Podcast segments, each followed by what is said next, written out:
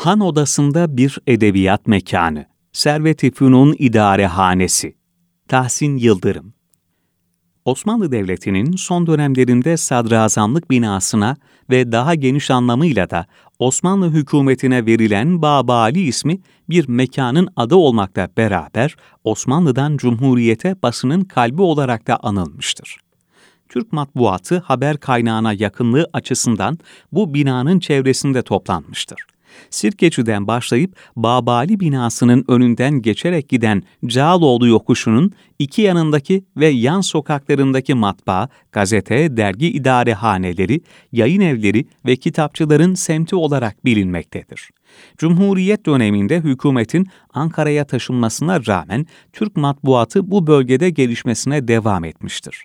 Ancak gazeteler 20. yüzyılın sonlarında bu bölgeye sığamaz olduklarından yavaş yavaş bölgeyi terk etmiştir yıllarını matbuata veren Babali'nin gazetelerin merkezi olduğu dönemlerde buranın kaldırımlarını arşınlayan hattat, gazeteci, ressam Ethem Çalışkan'ın ifadesiyle Fatih'te tarihi Yarımada'da yaşayan adamın doğum tarihi 300 yıl önceden başlar.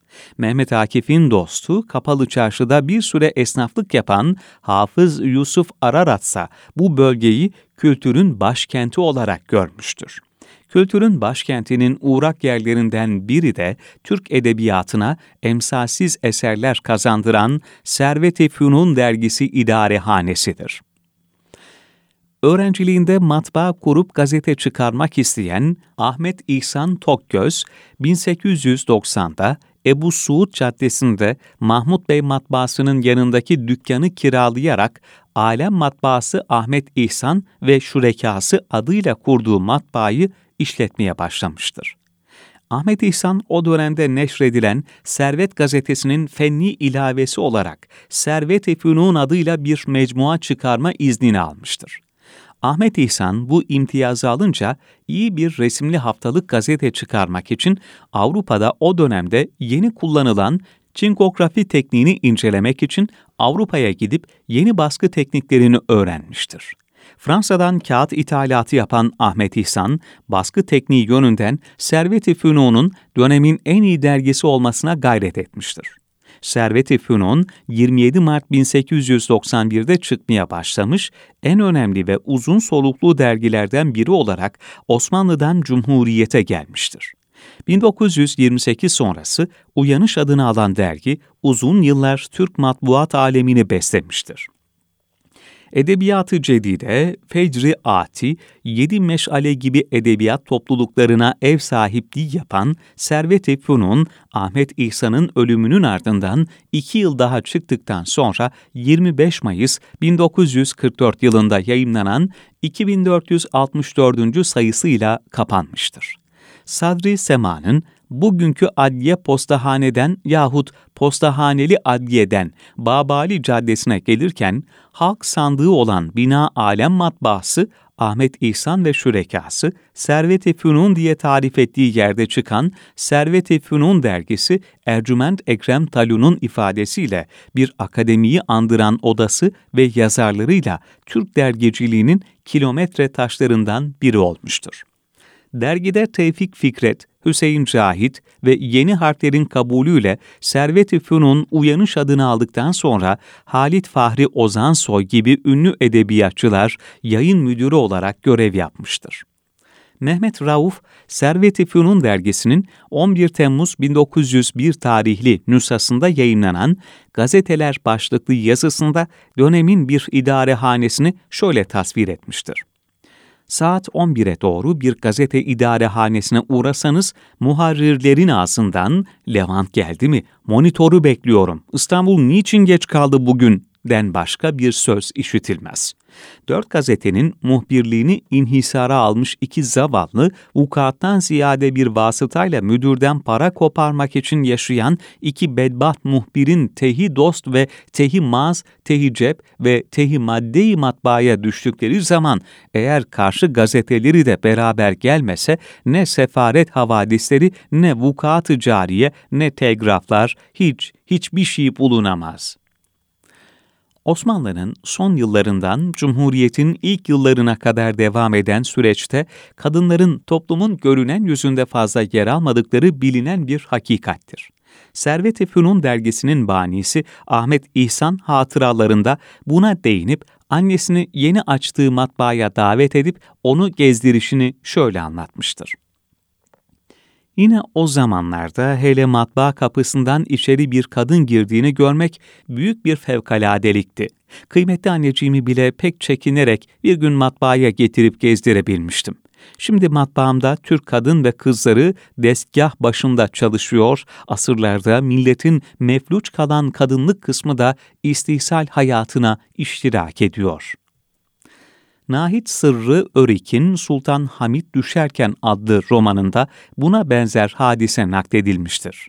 Hakkındaki bir haber için yazdığı mektubu gazeteye ulaştırmak isteyen Mehmet Şahabettin Paşa'nın kızı, babasının gözlerinin ta içlerine giden bir bakışla bu mektubu Servet-i Fünun idarehanesine bizzat ben götüreceğim diyerek bu vazifeyi üzerine almıştır. Ancak yaygın olmayan bu durum paşayı endişelendirmiştir. Romanda bu diyaloğa şöyle yer verilmiştir. Aman kızım nasıl olur? Senin gazete idarehanelerinde işin ne? Kapalı, simsiyah çarşafla gider, peçemi de hiç kaldırmam. Zaruret olmazsa hüviyetimi de bildirmem. Müsterih olunuz.'' Paşa'nın itirazı, muhalefeti uzun sürmedi. Bütün irade ve hürriyetini pek uzun yıllar önce Sultan Hamid'in ellerine teslim edip her hareket ve düşüncesini onun ne diyeceği ve ne düşüneceği mülahazasına vakfederek şimdi o baskı kalkınca 83'ünde kazandığı hürriyetten şaşırıp kalan Şahabettin Paşa bu irade ve hürriyeti bir haftadan beri de tamamen kızına teslim etmiş bulunuyordu. Peki, madem ki daha münasip buluyorsun bizzat götür. Fakat tabii arabayla ve yanına bir kalpa alarak, dedim. Yine Sultan Hamid düşerken de kurgulanmış şahısların dışında 2. Abdülhamid, Arap İzzet Paşa, Servet-i Fünun dönemi romancılarından Hüseyin Cahit, İttihat ve Terakki'nin önderlerinden Talat Paşa, Mahmut Şevket Paşa, Mehmet Akif gibi yakın dönemin önemli isimleri yer almıştır. Romanda Servet-i Funun idarehanesi, dönemin yöneticilerinden Mehmet Şahabettin Paşa'nın kızı Nimet Hanım'ın gözünden parça parça gücün merkezlerinden biri olarak nakledilmiştir. Türk edebiyatında pek çok yeniliğe ve önemli edebiyat hareketlerine kucak açan Servet-i Fünun Mecmuası ve İdarehanesi, ikinci meşrutiyetin ilanına kadar edebiyatı cedide mensuplarına, meşrutiyetin ilanından sonra ise Fecri Ati topluluğuna ev sahipliği yapmıştır. Matbaanın bir odasını yazarlar için dayayıp döşeyen Ahmet İhsan'ın misafirleri eksik olmamıştır. Profesör Doktor Turgay Anar'ın Mekandan Taşan Edebiyat kitabına göre Türk edebiyatında çok fazla etkili olan Servet-i Fünun dergisinin idarehanesi, devrin pek çok şair ve yazarının buluşup konuştuğu bir edebiyat, kültür, sanat mahfili haline gelmiştir. Mehmet Rauf, Sirkeci'deki postanenin sırasındaki şekerci Rıfat'ın dükkanının ikinci katındaki derginin idare yerinin önemini ve buranın ne zaman bir mahfil kimliğine sahip olduğunu anılarında şöyle anlatmaktadır. Beş sene Servet-i Fun'un idarehanesinin o küçük odası en hararetli münakaşata, en necip temayülata bir sahne-i cereyan oldu. Münakaşalar ve emeller bidayette yalnız edebiyata inhisar ediyordu. Tevfik Fikret hemen her gün dergide bulunuyordu. Onun dışında Mehmet Rauf, Cenab Şahabettin, Ali Ekrem, Reşit, Ahmet Hikmet, Süleyman Nesip, Hüseyin Siret, İsmail Safa, Şeyhülislamzade Muhtar Bey, Hüseyin Cahit, Ahmet Şuayb, Faik Ali, Celal Sahir de yine bu mekanda sık sık bir araya gelmişlerdir. Recaizade Mahmut Ekrem ve Halit Ziya ise buraya ara sıra uğramıştır. Toplumun haber kaynaklarından biri olan gazeteler ve dergiler her zaman takip edilmiş, bununla da yetinilmemiş idarehaneleri sıkça ziyaret edilmiştir merak ettikleri haberleri takip etmek ya da yazarların metinleri kaleme almak için kullandıkları odalar her zaman heyecanın zirvede olduğu mekanlar olmuştur. Bu mekanlar müdavimlerinin kurmaca metinlerine birebir ya da benzer yönleriyle girmiştir. Ahmet İhsan Tokgöz gibi gazetecileri yansıtan Ahmet Kerim, Yakup Kadri Bey'in Hüküm Gecesi adlı romanının baş kişisi olmuştur. Romanda muharrirlerin yazı odası şöyle tasvir edilmiştir.